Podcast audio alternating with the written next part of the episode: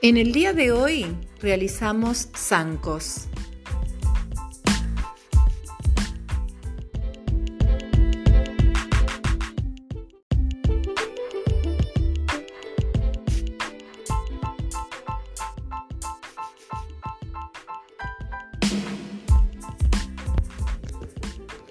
con que dos latas y una cuerda de plástico.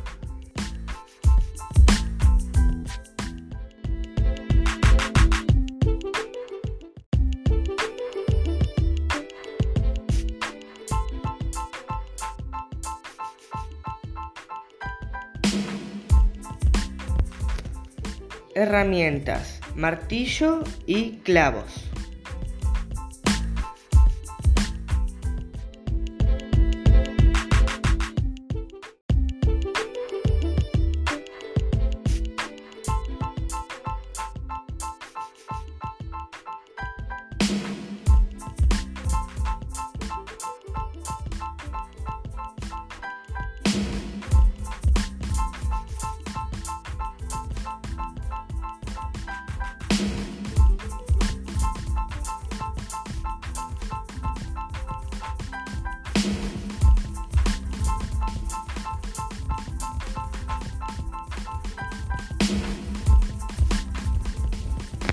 Ahora vamos a ir al procedimiento. Lo primero que tenemos que hacer es eliminar los bordes cortantes de las latas. Después, a 2 centímetros de la base, marcamos un punto y otro en el lugar opuesto. A continuación, con martillo y clavo, perforamos los lugares marcados.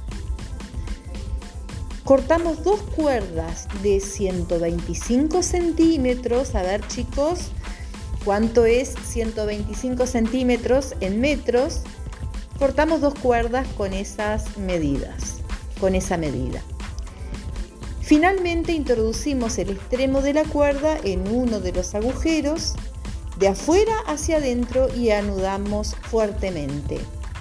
Está pronto, están prontos los zancos para divertirnos.